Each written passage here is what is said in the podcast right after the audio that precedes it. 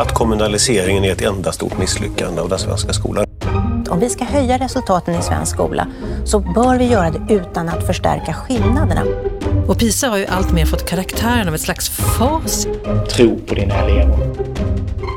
Hej och välkomna till Jakten på den jämlika skolan. Det här är en podd som görs inom Arena Idé och som handlar om skolan och om alla elevers rätt till en bra utbildning och därmed ett bra framtida liv. Jag som pratar nu heter Vesna Prekopic och kommer i den här podden att göra nedslag i alla de olika utmaningar som finns för att skolan ska kunna fungera likvärdigt för alla barn och unga oavsett bakgrund och behov. Dagens ämne det är vad politiken kan och bör göra för att vi ska få en jämlik skola. Jag har plockat ut några citat som kommer från dagens gäst och som kommer att följas som en röd tråd genom dagens samtal. Sverige har gått från att vara ett land där alla elever oavsett vad ens föräldrar arbetar med, tjänar eller heter får en ärlig chans i skolan till att vara ett land där bildningsklyftorna växer. Ingen tjänar på en segregerad skola. Det här är från en debattartikel i Aftonbladet i mars 2014. Nästa citat. Det skolsystem vi har idag i Sverige är giftigt. Det handlar om att man ser en växande ojämlikhet. Det är bråttom att bryta den ojämlikheten. Då kommer man ner till några kontroversiella, men viktiga saker. Intervju i Skolvärlden, april 2017. Och sist, kort och koncist. Ingen regering har vare sig orkat eller vågat röra vid detta på 30 år. SVT Agenda, oktober 2017. Välkommen till Sveriges utbildningsminister Gustav Fridolin. Tack så mycket. Eh, jämlik skola ska bli jättekul att få prata med dig om. Eh, jag vet att du har mycket tankar. Och eh, till att börja med skulle jag vilja höra vad din definition är av en jämlik skola. I grunden handlar ju det om att elever får förutsättningar att ta makten över sitt liv oavsett vilket hem man växer upp i. Att man inte begränsas av var i landet man bor eller vad ens föräldrar gör eller inte gör. Utan att det är min egna ansträngning och det jag gör i skolan som någonstans avgör min framtid, inte yttre faktorer. Mm, det låter fint. Har du någon konkret, något konkret exempel på det? Jo, men det, man, man kan, det finns dels skolor som lyckas väl trots tuffa förutsättningar. Det finns eh, delar av det svenska utbildningssystemet som har väldigt eh, goda resultat. Folkbildningen till exempel, folkhögskolan som verkligen bygger jämlikhet för de elever eller då vuxna deltagare som tar del av den. Men på systemnivå så är det ju så både uppfordrande, hoppfullt och sorgligt på en och samma gång att ett av de bästa systemen och bästa exemplen var den svenska skolan så sent som i början av 2000-talet. När man mätte detta, så trots att det såklart fortfarande fanns ojämlikhet att bekämpa i början av 2000-talet så var det fortfarande så att Sverige var ett av de länder i världen där man i minst utsträckning kunde läsa i betygen vilket hem kommer den här eleven ifrån. Idag är vi tvärtom under snittet, under OECD-snittet. Så att i de flesta OECD-länder är man enligt vissa parametrar bättre på att bryta ojämlikhet och säkra att eleverna får eh, goda utbildningsförutsättningar oavsett vilken hem man kommer från, än i Sverige. Och det gör ju väldigt, väldigt ont i den svenska självbilden och ska göra det. Och i det du säger nu finns det kanske hundra följdfrågor. Vi kan börja med om det nu var så bra, i alla fall så pass mycket bättre. Vad är det då som har hänt? Jag tror att det stora är att effekterna av Eh, 90-talspolitiken har blivit synliga. Eh, man har ju den fördröjningen i skolpolitik att sånt som görs ett årtionde, det kan ofta ta 10-15 år innan eh, konsekvenserna av det blir synliga. Och på 90-talet så hände ett par väldigt stora saker med, med det svenska skolsystemet. Man bröt med traditionen att skolreformer skulle vara brett förankrade både bland de som jobbade i skolan och i professionen och drev istället igenom stora reformer. Olika regeringar gjorde det med svag stöd i profession och forskning och bara några rösters övervikt i riksdagen. Och på det sättet lades reform på reform tills vi fick ett väldigt otydligt skolsystem. Det handlar såklart om kommunaliseringen, om marknadiseringen, elevpeng och friskolesystem. Och på det hanteringen av 90-talskrisen. Att just när man hade lagt över skol, ansvaret för skolan på kommunerna så slog den största ekonomiska krisen i svensk efterkrigshistoria in mot oss och fick bäras väldigt mycket av skolan. I en bok jag skrev för några år sedan, eh, Blåsta, så kunde vi visa att lärartätheten minskade med nästan 20 procent mellan 91 och 97. Och det handlar ju om hanteringen av, av finanskrisen. Så stora reformer, stora nedskärningar och det är mycket konsekvenserna av det som vi nu ser i ojämlikhet. Mm. Och friskolereformen det är ju en av de sakerna som Miljöpartiet också har varit ivrigt påhejare av. Jag själv tyckte en gång i tiden att det var fantastiskt bra eh, när man tänkte sig att det kunde då starta upp skolor med helt nya pedagogiska idéer och så vidare. Men tittar man på vad det egentligen har inneburit i praktiken, vad tänker du då? Ja, men så är det med de här 90-talsreformerna. Eh, alla har idag eh, sin favoritreform att skylla allt på. Eh, och sin favoritreform att säga att den, den var bra, den, den ska vi inte röra. Sen är alla överens om att sammantaget har det skapat ett dåligt skolsystem med fragmentariserat ansvar. I verkligheten måste ju alla vara beredda att ompröva samtliga stora skolreformer för att försöka bygga något nytt på det sätt som inte minst eh, forskare och profession i Skolkommissionen försöker. Och tittar man då på friskolereformen som jag mina företrädare, jag var själv av naturliga skäl inte riktigt med i början av 90-talet, men mina företrädare tyckte var bra, eh, så byggde ju det på, precis som du säger, att man såg någonting helt annat framför sig än det som sen skedde. Man såg möjligheten för lärare eller rektorer att kunna driva en skola utan kommunala pekpinnar. Eh, istället, det fick vi väl delvis också, men vi fick i mycket större utsträckning och i ökad utsträckning stora eh, Eh, skolkoncerner och ett system där vi lät, där vi, har, där vi har väldigt lite kontroll över vem som får ansvaret att driva skola. Och sen har vi försökt kompensera det genom att kontrollera i efterhand hur skolan funkar. Så istället för att bara släppa in aktörer som vi har förtroende för från början så har varit ganska lätt att få starta skola. Och sen har vi hela tiden ökat kontrollapparaten på skolorna som är.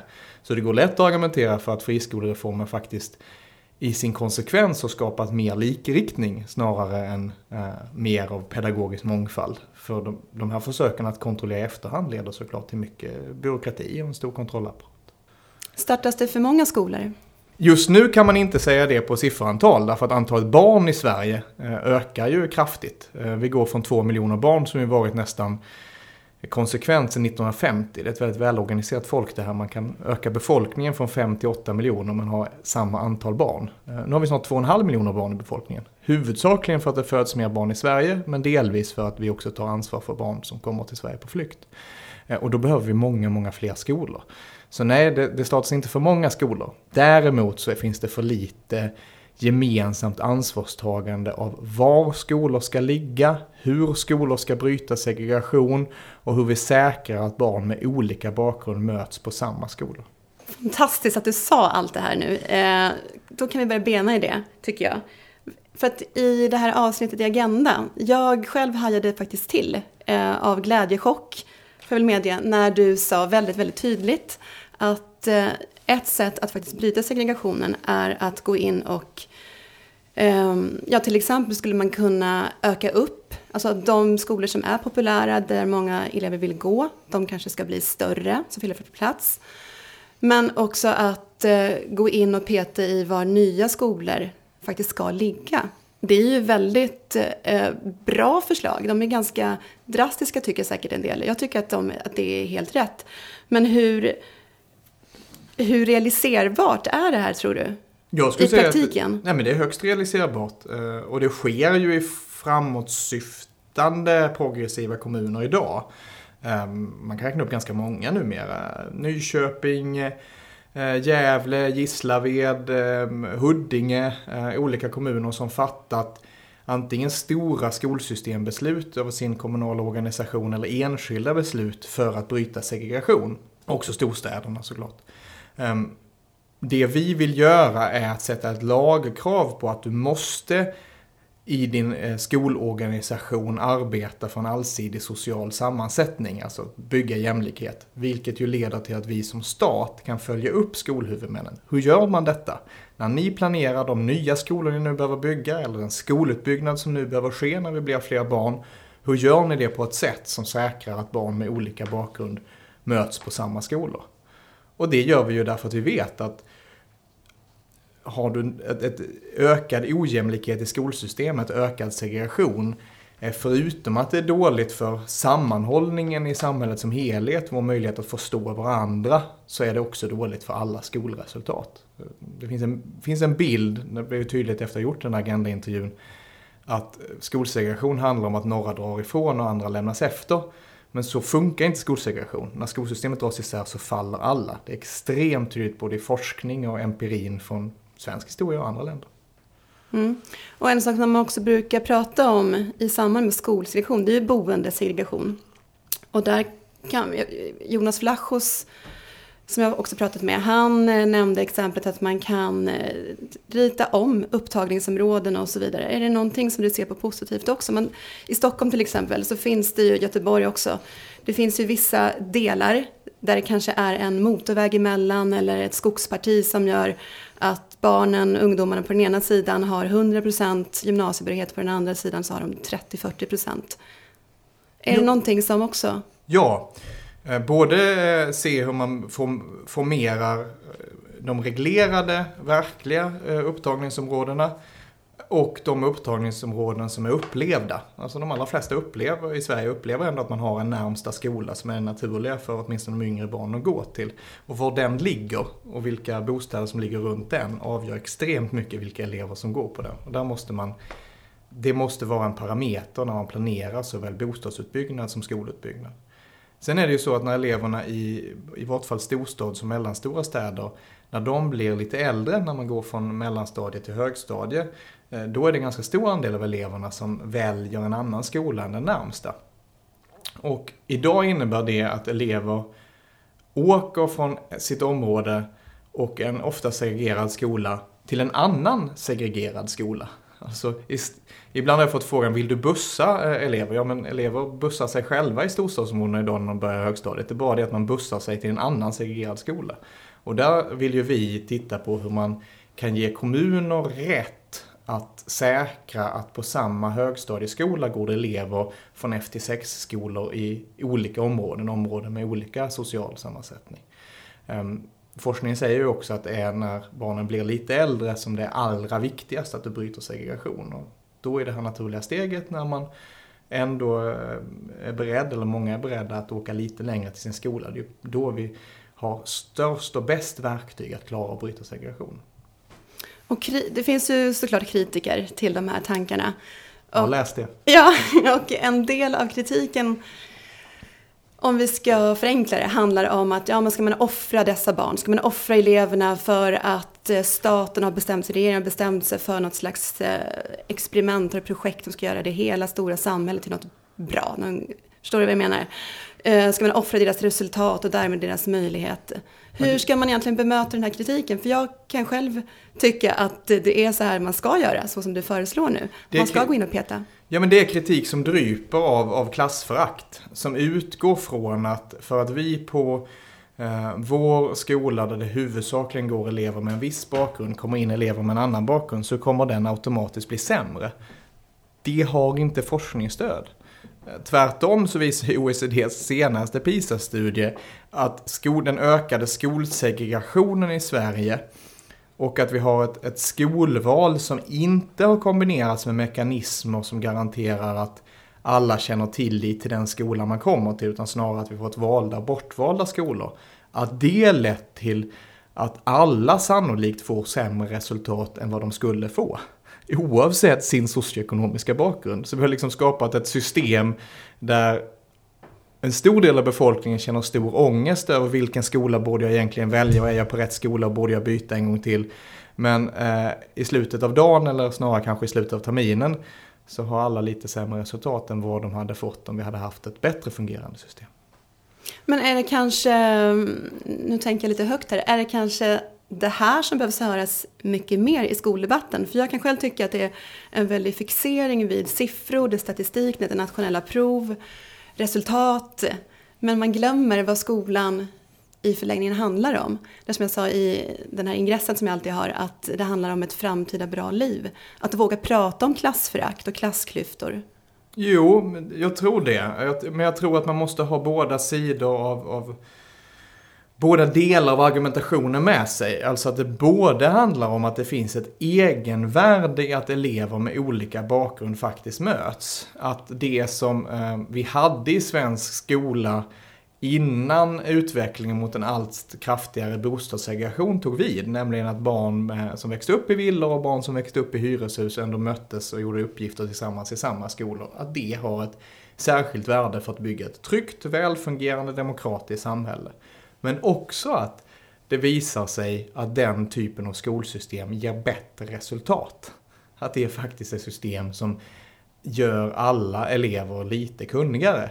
Och att om vi inte nu bryter segregation och ojämlikhet så kommer vi inte heller kunna ha fortsatt stigande kunskapsresultat. Där är OECD extremt tydliga mot oss, det säger vår egen skolforskning, det visar all den empiri som vi har tillägnat. Ska vi ha fortsatt växande kunskapsresultat, ska eleverna lära sig mer, måste vi bryta segregation. Och hur ska du få dina politiska motståndare att inse det här? Nej, men jag, jag tror att det är klart att det finns ideolo- det, det är ju helt uppenbart, det finns ideologiska aspekter av detta och det finns ideologiska konflikter att ta. Men när man kommer ner till de mer praktiska frågorna så eh, finns det också en arena för att diskutera, åtminstone oss eh, skolnördiga har jag märkt, emellan om vad som behöver göras. Eh, jag upplever inte att det direkt har avfärdats vare sig eh, förslag om att ha ett, ett skolval som kanske mer liknar det man har i Flandern eller Nederländerna, där man, som bygger på skolval men där man ändå försöker säkra att du, åtminstone för de äldre eleverna, har en eh, Eh, blandade bakgrunder. Eh, eller eh, att man har avfärdat det vi har framfört om att kommuner ska ha den rätt som friskolor i praktiken har idag, att ge förtur till skolor från elever med viss, från vissa andra skolor på ett sådant sätt att man kan blanda elever från olika FT6-skolor på samma högstadieskolor. Eller att man ska avskaffa möjligheten att och problemet som friskolor har med att föräldrar måste ställa sig i kö från det att barnen föds för att få plats på de skolorna. Eller att man kanske inte ska kunna få välja exakt hur många gånger som helst genom skolgången. Alla de sakerna finns det ett utrymme att tala om eh, utan att eh, de som, allra, de som känner det starkaste ideologiska ägarskapet över skolvalet upplever att skolvalet måste vara hotat därigenom. För det ska ju sägas, det finns länder med skolval som har ett jämlikare skolsystem än Sverige. Det behöver inte vara själva möjligheten att välja skola i sig som är problemet, som det ibland låtit på från delar av vänstern. Utan det handlar om hur den här möjligheten hanteras. Mm. Om vi då pratar vilka elever vi har i Sverige. Vi har väldigt många nyanlända elever. Och eh, de, det har ju också visat sig, inte alls konstigt på något sätt, att de har svårare att klara skolan. Eh, apropå segregation så hamnar de ofta på skolor med många andra nyanlända eller i segregerade områden och så vidare. Och eh, jag tycker själv att siffran att det är 10 procent bara av landets grundskolor som tar emot nyanlända är horribel är kanske ett starkt ord, men jag tycker att det är, att det är märkligt. Och eh, det här nu att ha lyft möjligheten för fristående skolor att ta emot det är positivt, men det är en möjlighet som de kan säga nej till. Varför inte gå längre och kräva att alla ska dela på det här ansvaret? Jo, men det tycker jag i grunden, eller i vart fall att kommuner ska kunna kräva av friskolorna i sin kommun att de är med i, i mottagandet av nyanlända. Ehm, vi har tagit ett steg fram här ska sägas. Ehm, eh, det, här är ju första gången då på 25-30 år någon överhuvudtaget vågar peta i de här urvalsreglerna som vi fått igenom den här lagstiftningen. Och vi fick det på rekordtid. Det är också därför den ser ut som den gör, att det är en möjlighet. Därför att det var det som säkrade att den gick igenom riksdagen och att vi kunde ta fram den så snabbt. Det här var ju inte ens normala beredningsrutiner och normal längd på remisstiden och så, utan vi kunde göra det så snabbt för att vi fick friskolornas organisationer med oss på att göra det. Men ja, nästa steg borde vara att den kommunala organisationen kan kräva av sina friskolor att de tar ett jämnt ansvar för mottagandet av nyanlända. Ehm, vi kan se att när vi, eh, när vi tillträdde var det 10, de här 10 procent av skolorna som du talar om tog emot ungefär hälften av de nyanlända eleverna. Idag tar de 10 procenten emot 40 procent av de nyanlända eleverna. Så vi har en trend som sakta men säkert eh, ändå pekar åt rätt håll. Men det måste göras mycket, mycket mer. Både i friskolors mottagande och i möjligheten att använda de mest populära kommunala skolorna i mottagandet. Och eh, om vi då kliver in i skolorna. och pratar om vilka som jobbar där. Där finns det också då dessvärre siffror som visar att de skolor och de elever som behöver bäst pedagoger, eh, högst, eh, alltså bäst kvalitet på allting, alltifrån lokaler till läromedel till utbildade lärare har också de, de sämsta förutsättningarna. Hur ska man egentligen komma åt det här? Jag vet att vissa kommuner, vissa huvudmän lockar med väldigt höga löner. Det är förmodligen inte det som kommer hjälpa. Nej, att man, alltså, I grunden tror jag det behövs en kulturförändring i lärarkåren eh, och i samhället i stort. Man ska uppleva det som att de mest intressanta läraruppgifterna, alltså jobba eh, för och med de elever som har de tuffaste förutsättningarna, också är de viktigaste läraruppgifterna. De som man helst vill göra. Det ska ha, om man vill använda då, ett högst status. Du ska få fler jobbansökningar på en eh, ytterstadsskola än vad du får på de skolor som hade som hade hög status redan för hundra år sedan. Eh, och så är det ju uppenbarligen inte idag, snarare tvärtom, eller definitivt tvärtom. Och hur åstadkommer du då det? Ja, det ena är ju att du ska ha mer resurser på de skolorna, för resurser är faktiskt avgörande både för lönen som du är inne på, men också och eh, allra mest för att du ska få rätt avlastning i ditt jobb. Att du faktiskt ska kunna få göra ditt jobb på det sätt du vill. Då krävs det att det finns mycket eh, annan personal som du kan jobba med rätt sån annan personal, men annan personal. Alla de här insatserna som vi vet kan göra skillnad, oavsett om det är två lärarsystem eller att jag har en stark elevhälsa eller att jag eh, har möjlighet till en väldigt kontinuerlig kompetensutveckling, eh, är ju insatser som faktiskt kostar i, i tid och därigenom också i, i, i, pengar.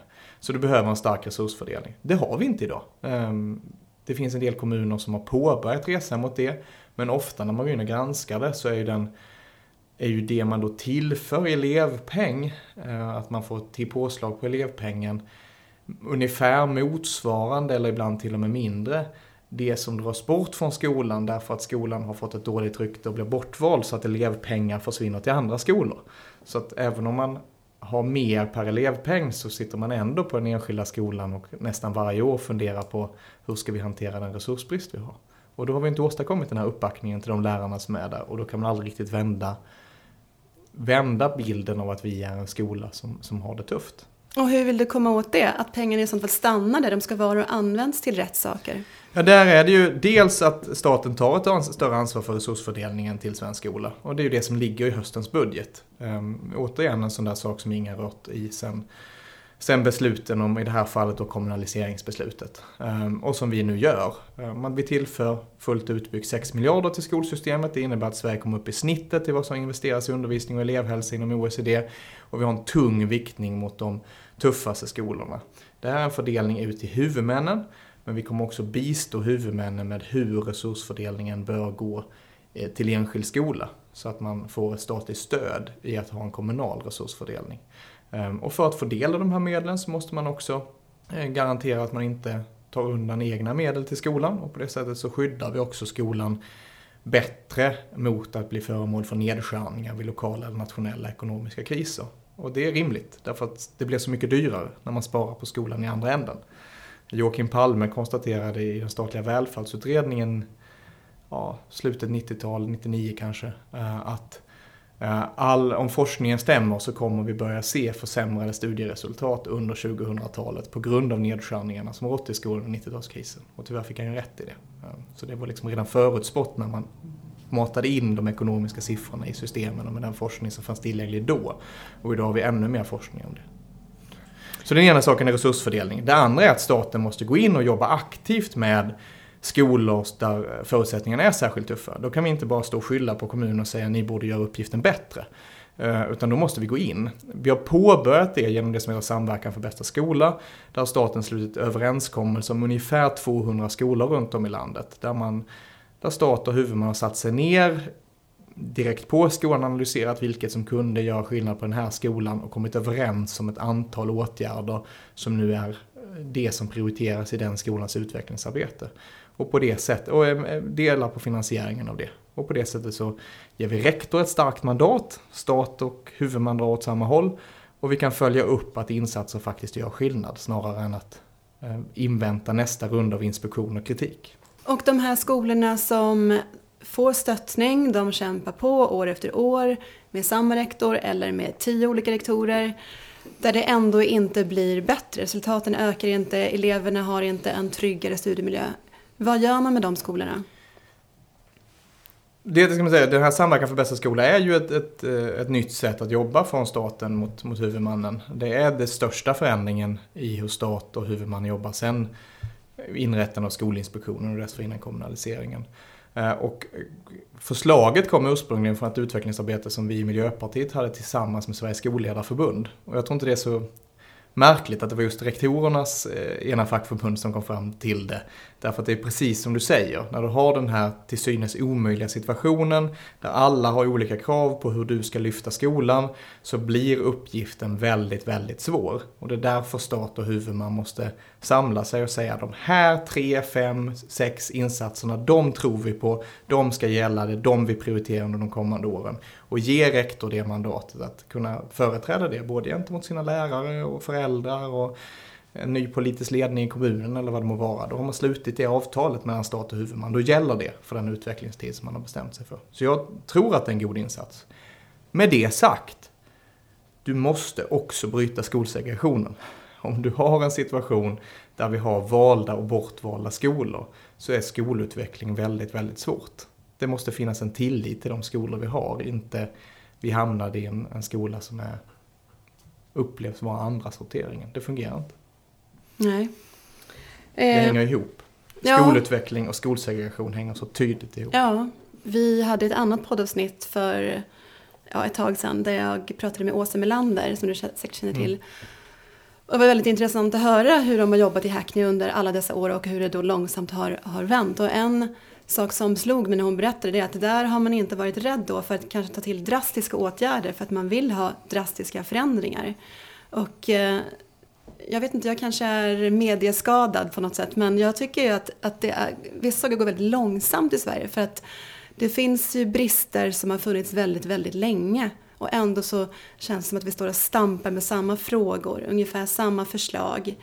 Eh, regeringen har absolut kommit med några väldigt bra nu. Eh, det är på god väg men fortfarande inte så mycket nu kör vi gasen i botten, vi måste förändra det här. Men det är klart jag också kan bli frustrerad där och jag känner ju väldigt mycket det här, nu kör vi gasen i botten. Och jag ska säga att jag känner det också när jag träffar rektorer och lärare på många av de skolor som varit um, allt ifrån baktalare till med rätta kritiserade och granskade under lång tid. Ehm, Titta i Malmö där man liksom gått ifrån att man hade 10-11 skolor som eh, verkligen eh, inte gav eleverna det du ska ha för livet. Och idag får alla de skolorna grönt ljus av Skolinspektionen. En av dem är Skolinspektionens modellskola för att jobba med specialpedagogiskt stöd. Eh, eller titta i, i några av de skolor som vi kan peka på i Samverkan för bästa skola där du har extrema resursförbättringar eh, eller resultatförbättringar. Eh, därför att du faktiskt har samlat dig runt språkutvecklande arbetssätt, om det är det du sett att på just den här skolan är det som kan göra mest, eller du har samlat dig runt att ge extra undervisningstid till ett antal elever. Sen ska man säga på det har vi också haft en situation där vi tagit emot ett st större antal nyanlända elever än vad vi eh, har gjort någonsin tidigare i modern tid. Och det gör ju att de här enkla resultatjämförelserna, eh, Dagens Samhälle gjorde en sån för en tid sedan till exempel, de blir ju lite missvisande. Därför att i dem kommer ju plötsligt in ett stort antal elever som faktiskt inte haft speciellt lång tid i den skola som blir utvärderad med dem. Ehm, och då måste vi diskutera mer specifikt. Vad gör vi för den gruppen? Än att plötsligt använda den gruppen till att säga nej men skolutveckling fungerar inte. Nej, och jag håller helt med. Och det där är ju en väldigt bra fråga. Vad gör vi med den gruppen? Igen den här rapporten som jag nämnde förut. Eh, som visar att har du kommit till Sverige efter sju års ålder, har du kommit till Sverige från jag tror det var vissa afrikanska länder eller som ensamkommande, då har du mycket svårare att klara skolan. Och där kunde man också se att den socioekonomiska bakgrunden, var man hamnar i samhället, påverkar också. Så det är många parametrar och språket är ju såklart en jätteviktig del. Och nu läste jag idag att det ska eh, bli 100 timmar, 105 timmar extra matematik, 100 timmar idrott och eh, vad var det mer? Teknik blir eget ämne. Ja, just det, precis. Stadieindelad undervisning. Mm. Och om jag då backar igen till de här nyanlända eh, eleverna som blir omhändertagna så gott skolorna förmår där ute. Mm. Men det saknas kompetens, det saknas massor med resurser. Finns det någon tanke på hur man kanske ska ta hand om de här eleverna på ett annat sätt? Ja, samtidigt stärker vi då rätten till anpassad studiegång generellt och kommer att göra specifikt för nyanlända elever. Så att nyanlända har en rätt till mycket längre anpassad studiegång och möjlighet till det och skolan kan användas eh, för det. Och också att du som nyanländ i de sena grundskoleåren ska få en mer sammanhållen studieplan. Där du inte först ska in i grundskolan, eh, där vi faktiskt ser eh, från låga nivåer men ändå resultatförbättringar för gruppen nyanlända. Eh, vi ser fler som når behörigheten idag än vad vi gjorde för fem år sedan eller bara två år sedan. Ehm, men sen ska man lämna grundskolan och så ska man hamna på ett introduktionsprogram för att du missade två, tre, fyra ämnen. Eh, och då ska du någonstans börja om igen. Så att även en väldigt ambitiös, eh, motiverad elev som kommit jättelångt under de få år man haft i grundskolan ska uppleva ett skolmisslyckande för att vi har bestämt att vi har två olika skolformer den enskilda bör bemötas i ett sammanhållet skolsystem. Och en sån studieplan kommer vi ju kräva eh, framåt. Det ligger i den utredning som togs fram av, av Ebba Östlin och som ska bli propositionen nästa år. Bra. Ja, det är extremt, det är jätteviktigt. Och när man möter de här eleverna som ju ofta är jätteambitiösa, men som ju avkräver att du ska både lära dig svenska, inklusive ett helt nytt skriftspråk, och engelska eh, på två år. Du kanske redan kan två, tre andra språk, men det är de här två som är de enda vi värdesätter för din behörighet. Och nu ska du göra det på två år. Och lyckas du inte med det så ska du få veta att du har misslyckats i skolan. Det där blir helt, helt snett. Ehm, sen finns det såklart elever som har väldigt små förutsättningar av olika skäl, alltifrån trauma till annat, till att eh, också på två år eh, nå kunskapskraven i något ämne. Och då behöver vi bygga en situation för dem. Men det vi ser idag är ju att även eleverna med goda förutsättningar som faktiskt får goda resultat ehm, upplever ett kraftigt steg bakåt om man lämnar grundskolan utan behörighet. För att man missade engelskan fick fyra, fick, klarade de tre obligatoriska ämnena men bara fick fyra behöriga, behöriga ämnen därutöver och inte fem. Mm. Och lära, lärarna är en bristvara mm. Eh, och kommer vara det ganska många år till. Eh, och om vi igen då pratar om den här segregationen som finns. Det finns en forskare som heter Åsa Hansson som har myntat begreppet pedagogisk segregation. Jag, själv, jag får erkänna mig okunnig, jag hörde talas om det första gången för några veckor sedan bara. Eh, och det lät eh, ju fruktansvärt och igen i linje med, med allt det här andra. Att de som redan har stora behov, det är inte de som får bäst förutsättningar för att klara sig i skolan.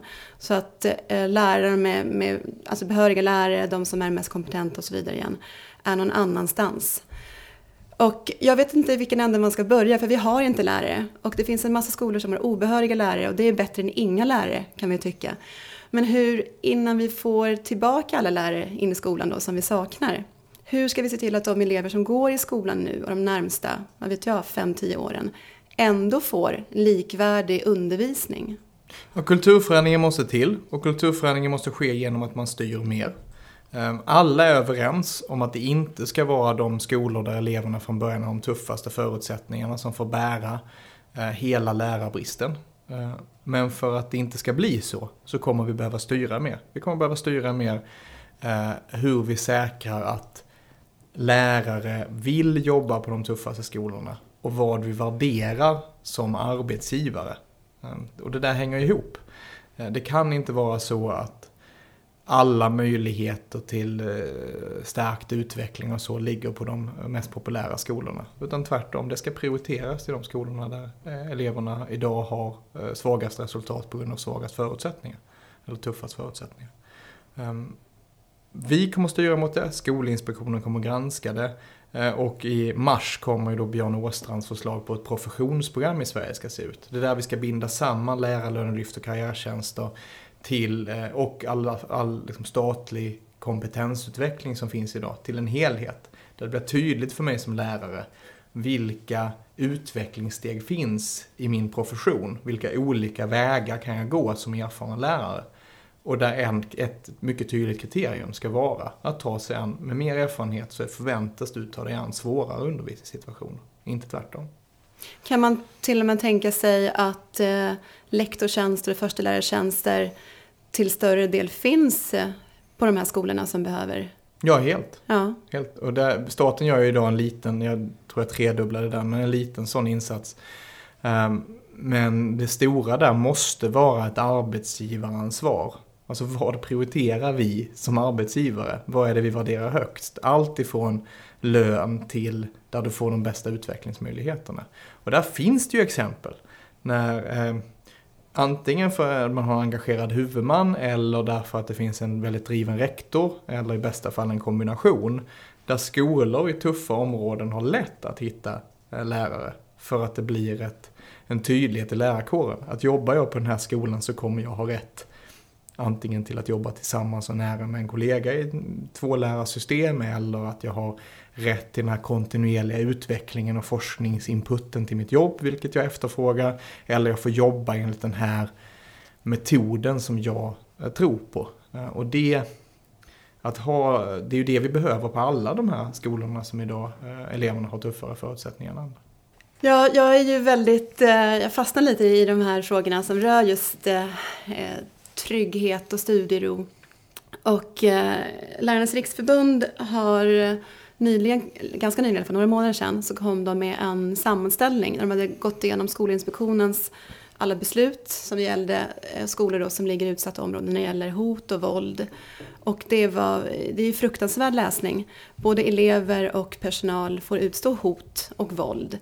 Eh, det pågår knappt någon undervisning överhuvudtaget. Och då är det här igen då som jag menade förut att det är många gånger ingenting som är nytt.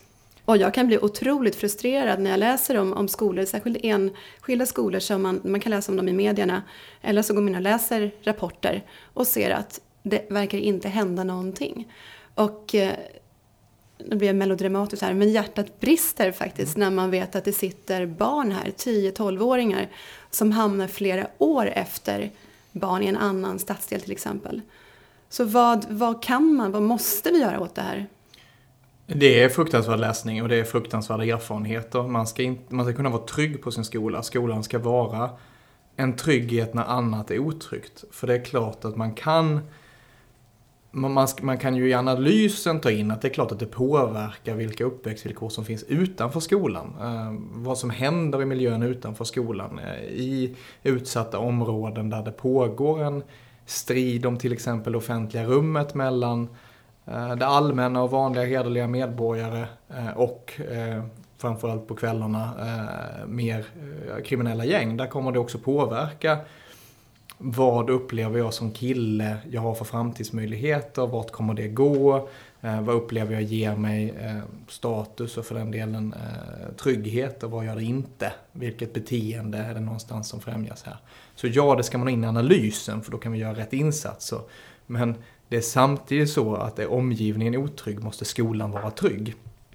Och där är det ju, ja, resursfördelning, starka strukturer och starkt ledarskap som är möjligheten till det och som gör att vi också i tuffa områden idag kan se några av de skolorna som är väldigt trygga och duktiga på arbete med, med ledarskap och studiero. Men det är ju när man lyckats med just det. Man har mer resurser än andra skolor, man har ett starkare ledarskap bland alla vuxna som jobbar och särskilt från, från rektor med en tydlig prioritet på det. Och man ser inte en motsättning mellan att jobba med trygghets och studiero och få goda resultat, som det ibland varit i den politiska debatten, utan man ser det ena som en förutsättning för det andra. Mm. Eh, hur, apropå staten då och olika resurser, hur mycket tycker du att staten ska lägga sig i vad som händer där ute? För det finns ju en del ropar på skolan ska bli statlig, förstatliga skolan. Eh, andra tycker att staten ska lägga sig i så lite som möjligt och så finns det massa där mitt emellan. Men hur, hur mycket tycker du Staten får aldrig abdikera från ansvaret för likvärdighet. Nej. Och det var det staten gjorde genom 90-talsreformerna. Uh, Leif Levin gjorde på min företrädares uppdrag, tycker jag, en väldigt intressant videräkning med 90-talsreformer. Hur steg för steg staten släppte att det måste vara staten som ansvar för likvärdighet, går in när man ser att en, en skola brister och stödjer den lokala nivån i hur vi, man kommer vidare därifrån. Det räcker inte med inspektion, att man stannar vid inspektion och kritik, utan då måste man jobba tillsammans. Sen har det aldrig varit så att man haft en skola där man suttit i Stockholm och beslutat precis var enskilda skolor ska ligga eller eh, haft anställningsförhållanden till alla som jobbar i skolan. Utan det har alltid funnits en kommunal eller lokal nivå och en statlig nivå i alla de skolsystem som Sverige har känt. Problemet med 90-talet var att staten abdikerade från likvärdigheten. Det ska vi inte göra igen. Därför vi ska ha ett, ett ansvar för finansieringen som, som ju kommer genom höstens budget. Det är därför jag tycker att staten ska vara regionalt närvarande. Så det inte blir 200 skolor vi olika avtal med som idag, utan det blir de skolor som har behov av det som vi går in. Vi kan också regionalt göra kompetensförsörjningsplaner så att man undviker att kommuner hamnar i en situation där man bara konkurrerar om samma lärare, utan istället bygger gemensam eh, utveckling för den lärarkår som man har i regionen. Um, och man kan ha få starkare samarbete mellan lärosäten och huvudmän på det sättet. Den regionala nivån för eh, statens närvaro utreds ju nu eh, och kommer också förslag här i, vår. Eh, jag ska inte tjata om Jonas Vlachos, men jag ska ändå nämna honom. Ja, han sa en sak när han var med i podden som eh, faktiskt har stannat i mitt huvud. Och han sa att eh, det går att bryta segregationen om man vill. Problemet är att man inte vill. Och med man syftade han på politikerna, tänker jag. Och eh, nu har ju du nämnt en massa saker som är på gång och eh, som, eh, som du och regeringen vill göra och så vidare. Men det finns ju saker som man skulle kunna göra. Jonas Blachos till exempel är en förespråkare av lottning, om man tänker på att bryta. Där vill ju inte du, ni, eh, testa det ens en gång. Varför inte när forskarna säger att det här skulle kunna vara ett sätt att faktiskt göra någonting åt segregationen. Men det var så tydligt när Skolkommissionen kom med sitt slutbetänkande som var ett stort jobb som var gjort av forskare och profession och som var ett heltäckande ansats att Eh, återbygga ett jämlikt skolsystem igen. Att den här frågan blev en symbolfråga som låste alla möjligheter att komma framåt. Och då var ju min slutsats, låt oss plocka bort just den symbolfrågan från bordet. Se vad finns det för andra åtgärder som kan åstadkomma samma sak. Och det vi då fick in i remissrundan och som det finns en öppenhet att diskutera att man slopar eh, möjlighet till kö friskolor från att man eh, är på BB och sätter någon slags åldersgräns eller fönster för när man gör en sån ansökan. Att man har ett gemensamt antagningssystem till alla skolor. Att man har eh, möjligheter att ge förtur från vissa skolor till högstadieskolor som jag varit inne på. Så att man på samma högstadieskola har elever från eh, F-6-skolor från olika socioekonomiska områden, villkor. Att man tittar på det som eh, också Jonas Larkos eh, diskuterat, alltså ett, ett skolval eh, som mer liknar den, den flamländska och nederländska modellen där algoritmer kan påverka hur man gör om det är många som söker en och samma skola för att säkerställa att man får elever med olika bakgrund på samma skola. Det kan ju ge minst samma resultat som just lottning. Och då tyckte jag att det var smartare att lyfta upp de sakerna på bordet än det här som det åstadkoms, som det plötsligt blev en politisk, politisk låsning i. Ehm, det som, och jag tror problemet mycket var kommunikativt. Folk gick och tänkte att de skulle kunna bli lottade till vilken skola som helst snarare än att man lottade på den skola när det var många som sökte en och samma skola. Ja, jag kan hålla med om att när det kom så blev det, det blev ju cirkus av det ja. hela och att allt annat försvann lite. Ehm, men jag har ändå tänkt på att, för det var ju inte bara han utan det är väldigt många eh, skolforskare som säger att det här skulle verkligen kunna göra någonting. Och eh, det är mest en nyfikenhetsfråga. När det finns, man pratar väldigt ofta om att det är bra att ha forskarstödet ryggat när man presenterar förslag och så vidare. På vilken nivå man än pratar om. Och när det finns ett så starkt stöd från forskarvärlden som säger varför inte testa det här? Eh, att man inte ens retoriskt kan säga ja men vi tycker också det här, det, det vore jättebra. Utan att, som jag uppfattar det, bara lägger sig platt. Men alltså även alla de här andra modellerna som jag nämner har ju forskningsstöd. Mm. Eh, och skulle också bryta segregation. Så det handlar ju om metodval.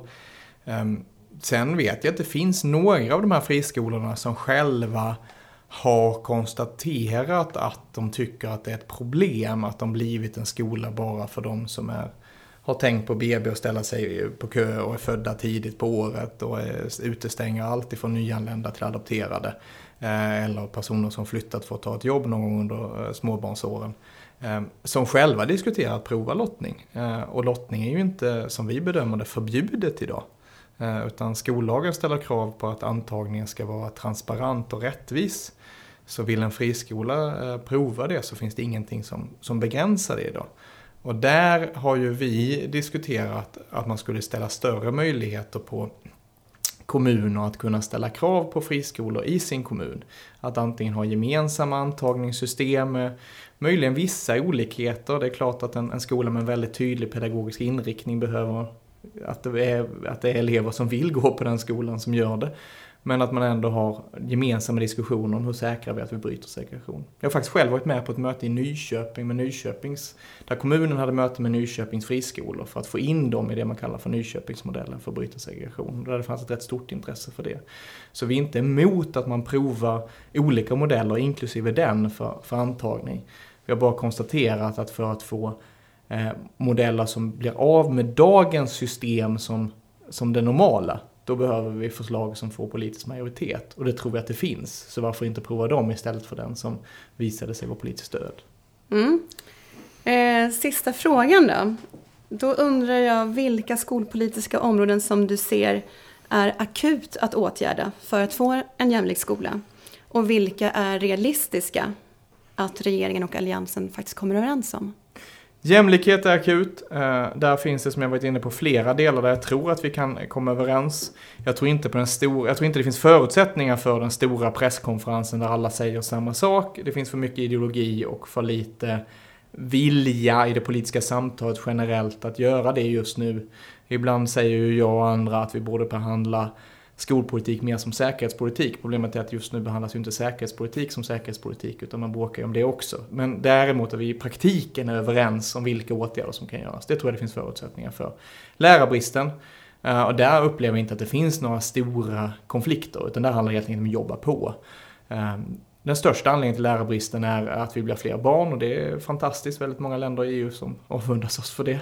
Men vi har inte utbildat lärare i samma takt. Så nu handlar det om att bygga ut lärarutbildningar, säkra att fler vill gå på dem, att fler lärare stannar, och där har vi positiva siffror idag, och att fler lärare som gjort annat återvänder. Där har vi också positiva siffror idag. Det är 40% fler lärare som återvänder efter att ha gjort någonting annat än vad det var för, för tre år sedan. Så det, det eh, måste vi vara på. Och den tredje akuta delen, det är tidigt stöd. Ehm, där vi vet att så mycket annat kan lösas om eleverna lämnar trean med bättre förutsättningar att ta sig an det lite svårare skola som kommer därefter än vad många elever gör idag. Och att vi tar tag i problem som egentligen varit identifierade innan för sent.